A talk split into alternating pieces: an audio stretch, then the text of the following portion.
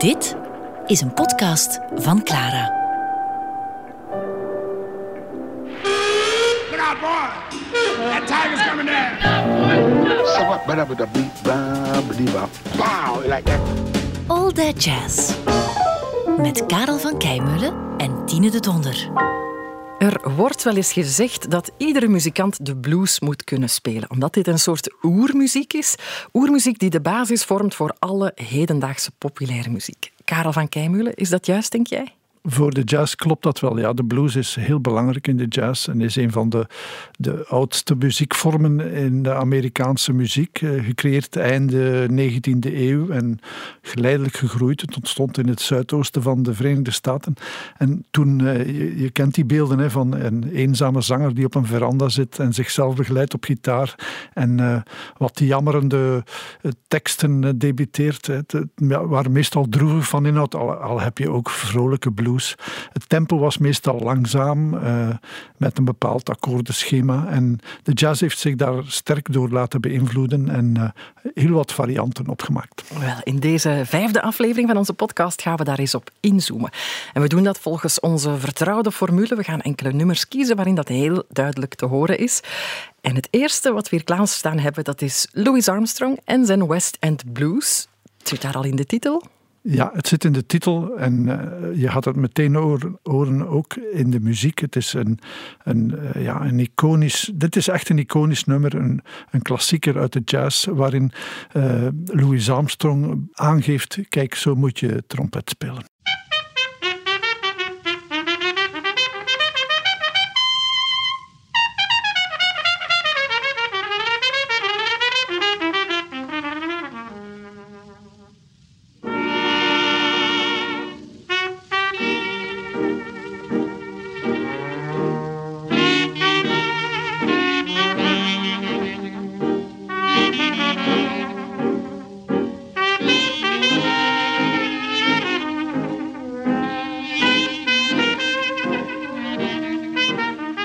Wat valt jou hier op, Karel? Die glorieuze trompet. Hè. Je moet weten, we zijn in 1928. Er werd toen nog heel. De muziek, de New Orleans muziek, klonk toen nog wat stijf en strak. En hier krijg je zo'n glorieuze, bezwerende en grandioze trompetsolo. Um, ja, dat, is, dat was uniek in die tijd. En uh, Armstrong heeft in deze periode, en maakte toen op, opnamen met de Hot 5 en Hot 7, uh, zo heet dat. Dat, zijn, uh, dat is een beetje het oud testament van de jazz geworden.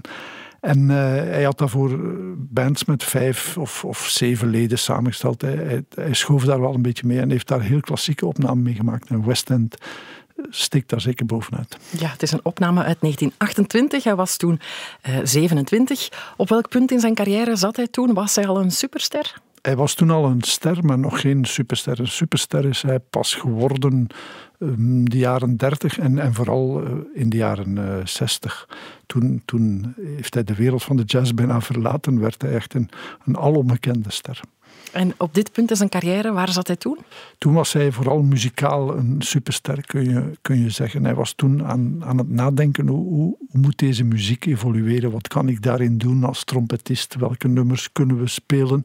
En uh, ja, je hoort die glorieuze trompetstijl, dat was toen echt wel nieuw. Wij kunnen ons dat vandaag moeilijk inbeelden, maar dat klonk zo anders dan, dan de gewone cornet, waar toen nog vaak op gespeeld wordt. Dat is een, een andere een versie van de trompet. Zo uh, open en helder uh, en zo energiek ook. En, en zo, zo uh, ritmisch ook. Dat, dat was echt vernieuwend. Ja, je zegt hij dacht goed na over waar zijn muziek naartoe moest. Zou je hem dan een intellectuele muzikant noemen? Nee, hij was meer een natuurtalent. Je moet weten, hij groeide op in een zeer arme wijk van New Orleans. Een van de ruigste en armste wijken van New Orleans. Zonder uh, vader. Hij werd opgevangen door een Joodse familie die ook allerlei klusjes deed en handelde en die hem goed opgevangen heeft. En uh, de, op een bepaald moment, omdat hij uh, met een pistool domme dingen had gedaan, moest hij naar een, wat, we, wat we kunnen noemen, een verbeteringsinstituut de Colored Wave the House. En daar heeft hij echt muziek leren spelen. Maar hij zong toen al in een, in een kwartet op straat ook. En hij speelde toen ook al cornet. Hij had zijn eerste cornet toen gekregen. En hij kon fantastisch goed zingen. Ja, met zijn hele typisch stemgeluid. Zit dat ook in dit nummer? Ja, hier in dit nummer uh, zingt en scat hij ook. En scatten, dat is met uh, betekenisloze woorden uh, ja, zinnen maken en melodieën maken. Hij had dat eerder al gedaan in het nummer, twee jaar eerder in het nummer Heebie Jeebies. En het verhaal gaat dat zijn partituur op de grond was gevallen en hij dan maar betekenisloze woorden begon te zingen. Heel, heel prettig. Ja, en zo heeft hij zijn plan getrokken. Inderdaad. What, what, what, what, what, what, what, what,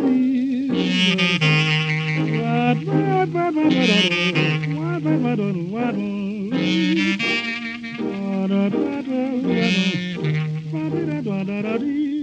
Karel, zijn stem klinkt hier nog zacht eigenlijk, hè? Ja, het is nog niet die gruizige stem, zijn handelsmerk, die zijn handelsmerk geworden is naast zijn trompetspel. Maar hij is in de jaren dertig twee keer geopereerd aan zijn stembanden en die operaties zijn niet gelukt. En daardoor werd zijn stem nog gruiziger en hebben we die, die, kregen we die typische herkenbare Armstrong-stem. Ja, en waar zit voor jou nu de blues bij Louis Armstrong? Uh, Louis Armstrongs muziek is eigenlijk vooral optimistisch. Je hoort hem hier ook zo plezierig zingen. Maar de, de blues en de, in de kleuren zit de blues, in de timbre. De manier waarop zijn, zijn trompet soms uh, noten uitstoot. En, en uh, het is ook een beetje bel canto eigenlijk, zijn trompetspel. En, maar bluesy gekleurd, hij komt uit New Orleans. Ja, dat zat in die hele cultuur. Ja, de blues uit de trompet van Louis Armstrong. Nu, als we het hebben over blues en een trompetist dan komen we natuurlijk uit bij Miles Davis. En van hem kiezen we zijn All Blues, staat op Kind of Blue uit 1959. Ik hoor hier Blue, Blue, Blue. De ultieme jazzplaat. Dat wordt vaak gezegd, maar in elk geval een van de grote jazzplaten. Omdat de muziek er zo gemakkelijk op vloeit en toch vol verrassingen zit en vol uh, verschuivingen ook die, die, die, uh, die je verwonderen. En welk stuk kiezen we eruit? All Blues.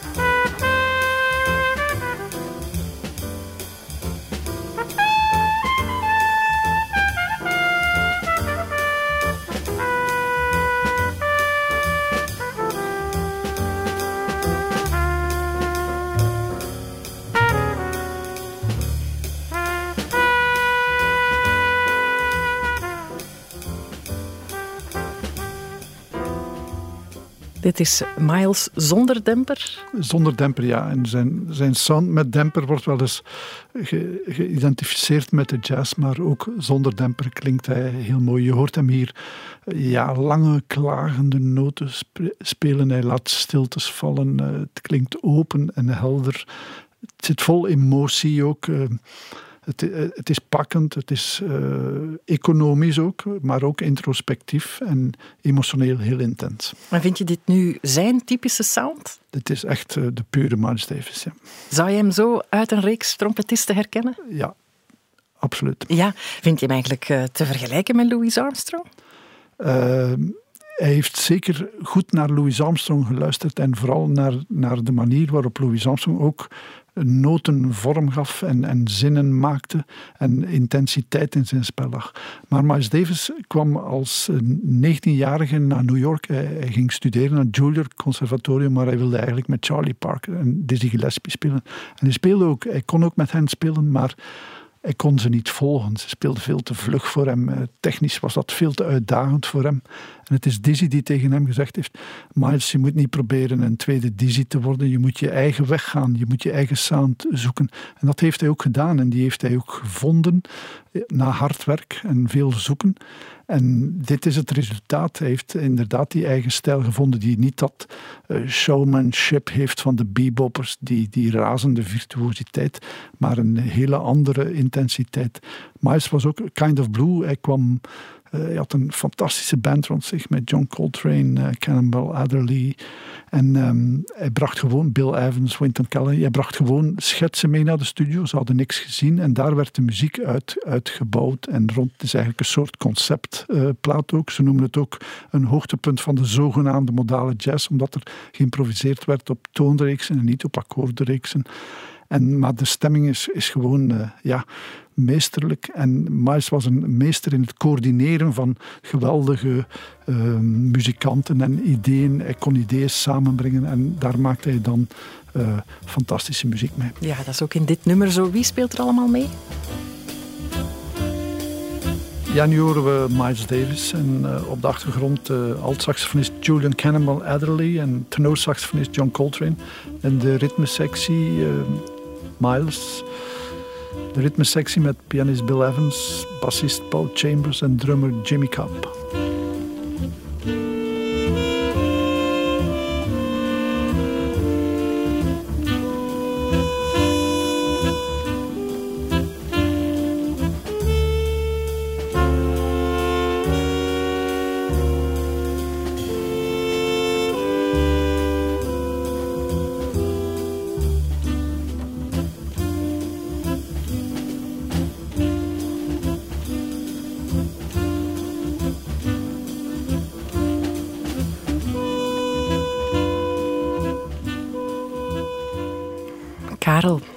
Las eens in een boek. Het is een citaat van Ak van Rooyen, trompetist. Die zei: Miles Davis, als ik daar naar luister, dat klinkt eigenlijk niet als een technische trompetist. Ik denk eigenlijk niet meteen aan een trompet als ik naar hem luister. Het is iets anders. Het komt van dieper bij hem. Begrijp je wat hij bedoelt? Ja, dat is heel mooi gezegd. Uh, ja, het is zo'n beetje zoals de cantejondo en de flamenco. Ja, het komt van heel diep. Dat klopt wat uh, Ak van Rooyen zegt. En Herbie Hancock die heeft daar ook iets over gezegd. We gaan eens luisteren. Miles was able to make something that was wrong into something that was right. Turn poison into medicine. Ja, dat is een mooie quote van uh, Herbie Hancock. Uh, uh, ja, het klopt wel een beetje. Miles kon echt ideeën samenbrengen en mensen samenbrengen en daar zo, zo, ook een beetje tegen elkaar laten opboksen. En dat bedoelt denk ik van poison to make something beautiful. Ja. En was dat iets goeds? Uh, Miles, de jaren 50 en 60 van Miles Davis zijn grandioze jaren. heeft hij geweldige platen opgenomen. Ja. ja, vandaar die Kind of Blue. We gaan eens iets anders opzetten. Dat is een vibrafonist, Milt Jackson. Iemand die naar het schijnt doordrongen was van de blues. Ja, en zijn Bagged Groove, het nummer dat we kiezen, is, was in die periode een van de meest gespeelde nummers, uh, bluesnummers. Maar Milt Jackson uh, speelt vibrafoon en hij maakt daar een heel subtiel, zinderend nummer van waar de blueskleuren wel in zitten, maar hij gebruikt die veel geraffineerder dan, dan iemand het in een gewone blues zou gebruiken. En op welke manier doet hij dat? Door, de vibrafoon is een instrument met, met metalen plankjes waar je op slaat en je kunt de klanken demmen dempen door op een pedaal te duwen. En um, hij heeft dat echt, die sound echt ontwikkeld. Je hoort hem bijna zinderen. Hij, hij, hij probeert die, die klanken uh, op en neer te laten gaan. Hij creëert een zeer uh, uh, ja, bluesy atmosfeer. Ja, want een vibrafoon, dat is toch niet meteen een instrument die we zouden associëren met de blues? Nee, nee en het is ook een, een soort, het is een nieuw instrument. Mill Jackson is dat beginnen spelen toen hij Lionel Hampton bezig zag, die een van de eerste vibrafonisten was. Het, het, is een, ja, een instrument dat vandaag ook in de jazz nog wordt bespeeld, maar, maar niet zoveel. Het is uh, ja, denk ik ook heel moeilijk om het te bespelen, om het goed te bespelen. Maar hij kon dat meesterlijk uh, met vlugge loopjes. hij liet zijn noten, zoals ik daarnet zei, zinderen misschien is een beter woord nog. Hij liet zijn noten huiveren. En hij kon ook heel erg swingen, vandaar backed groove. Er zat een echte groove in. Ja, Bags, dat was zijn bijnaam? Ja, dat uh, verwees naar de bags, zakken, naar de zakken onder zijn ogen. Bill Jackson had altijd grote zakken onder zijn ogen. En groove, waarin zit die groove dan in dit nummer? In de, het ritme, de manier waarop het nummer voortbeweegt, ritmisch voortbeweegt. Aanstekelijk.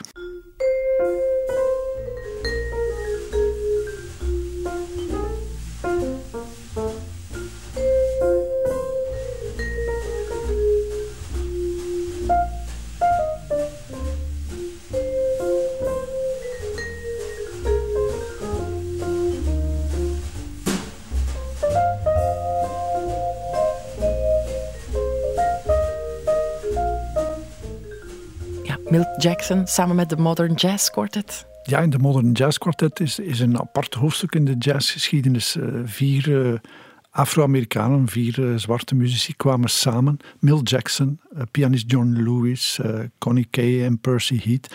En zij speelden in smoking en in grote concertzalen. Zij wilden de jazz waardigheid geven.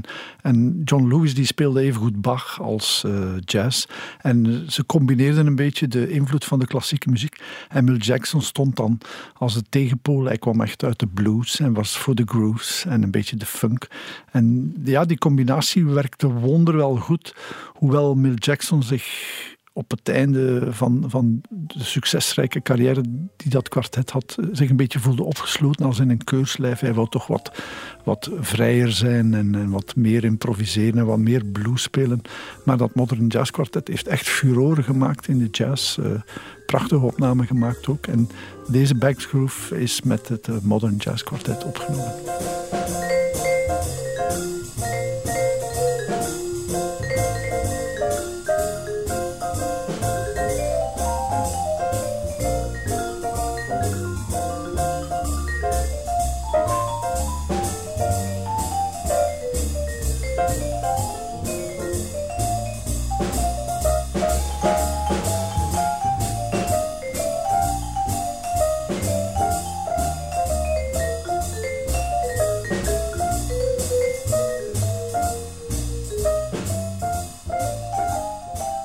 Zijn Bikes Groove. Heeft hij nog andere grootse dingen gedaan?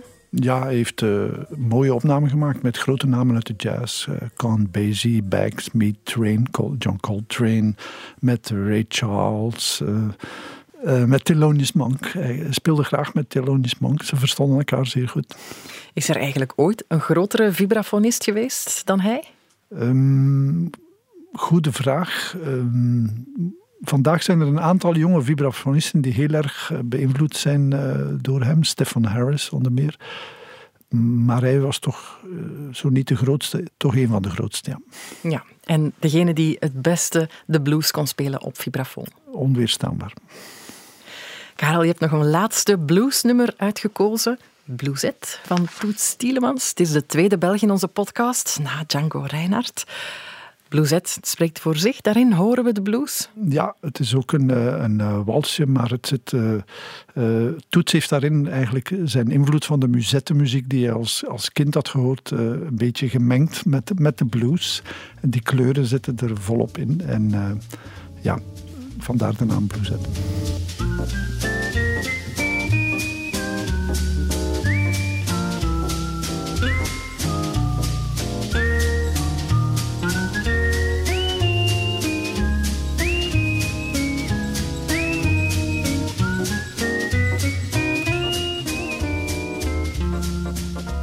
Weet je hoe het nummer tot stand gekomen is? Uh, ja, um, Toets uh, moest optreden, ik denk dat het in, de VUB was. En uh, Stefan Grappelli was er ook en ze zaten samen in een kleedkamer en Toets zat wat op zijn gitaar te spelen. En Grappelli luisterde en hij zei, maar Toets, c'est joli, daar moet, je, dat moet je uitwerken, daar moet je een liedje van maken. En uh, Toets heeft dat dan ook gedaan. Hij heeft het voor het eerst uh, opgenomen in Zweden. Toets was toen erg populair in Zweden. En hij had het als eerste naam Bleuet gegeven, blauwe korenbloempje. Maar de Zweedse producer zei, maar Toets, dat is echt een, blues. En, en, de musette zit daarin. Je moet dat een andere naam geven. En toen werd het blueset. En het is heel, heel, een heel populair nummer geworden. Toets noemde het altijd zijn pensioennummer. Het is door heel wat mensen opgenomen en uitgevoerd. Hij heeft er ook nog veel andere versies van gemaakt, ook met zijn beroemde mondharmonica natuurlijk. Daar gaan we straks eens naar luisteren. Maar dit is wel heel speciaal, want we horen Toets hier fluiten en gitaar spelen. En nu vraag ik me af, zijn er veel jazzmuzikanten die dat deden, fluiten, terwijl ze nog een ander instrument bespelen? Heel uitzonderlijk. Hij stond bekend als de Whistler.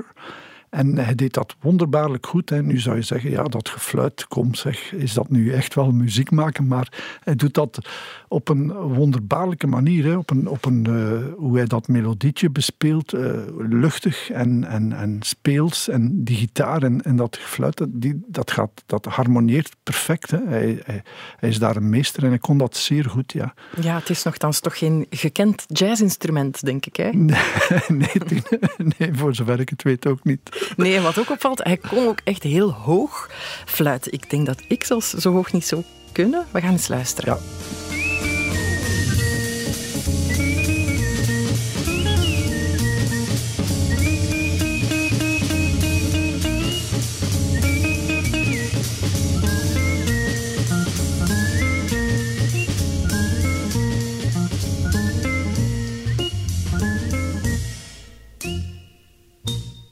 Hij speelt ook echt een andere stem met zijn gitaar dan wat hij fluit, hè? Ja, ja, en hij maakt daar een wonderlijk einde aan, maar mooi. Hè? Hij heeft dat bedacht altijd van die dingen, van die opmerkelijke uh, slotzinnetjes of, of slotnoten. Ja, heel goed gevonden. En het is ook heel vaak gebruikt, deze melodie.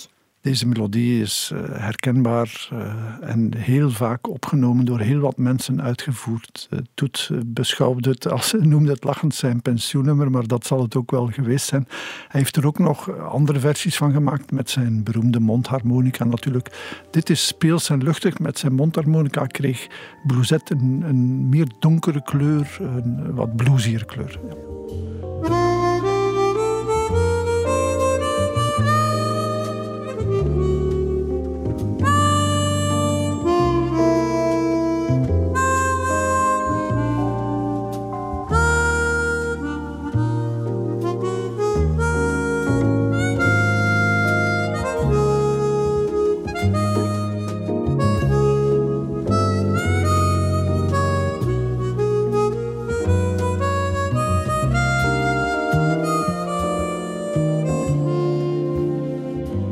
Dat is een heel andere versie, hè? Ja, met, uh, je hoort hem de noten langer maken, de uithalen. Uh, hij maakt het allemaal wat donkerder en wat bluesier, wat melancholischer. Ja, dus dit is de meest bluesy versie van Bluesette? Met mondharmonica, ja, daar maakt hij er meer blues van, ja. Ja, nu, Karel, we zijn deze podcast begonnen met Louis Armstrong. En er is ook een link tussen Armstrong en Toets Tielemans. Ja, Toet Stielemans speelde met de George Shearing uh, Sextet in de Verenigde Staten. Op een avond was dat in Chicago. En wie zat er in het publiek? Louis Armstrong. En natuurlijk ging Toets nadien uh, goeiedag zeggen tegen Louis Armstrong. En Louis Armstrong zei tegen Toets, ja, je hebt goed je best gedaan. En later hebben ze samen nog eens een, een jingle gemaakt. Toets vertelde dat verhaal heel graag. En hij, deed dan, hij imiteerde dan uh, Louis Armstrong een jingle voor het automerk Chrysler, 28 seconden. En hoe imiteerde hij die dan? Ja, ik kon die, die geruizige stem perfect nadoen tot Stielemans. Wonderlijk. Kan jij dat ook? Nee, ik kan dat niet. Oké, ik denk dat we er met deze Belgische bluesberoemdheid uh, de podcast over blues in de jazz wel kunnen afsluiten. En volgende keer, Karel, dan hebben we het over onrust in de jazz en freedom. Benieuwd waar dat ons zal brengen. Jazz. Jazz. Jazz. jazz. All that jazz. Ontdek ook onze andere podcasts via clara.be. Clara Podcast. Blijf verwonderd.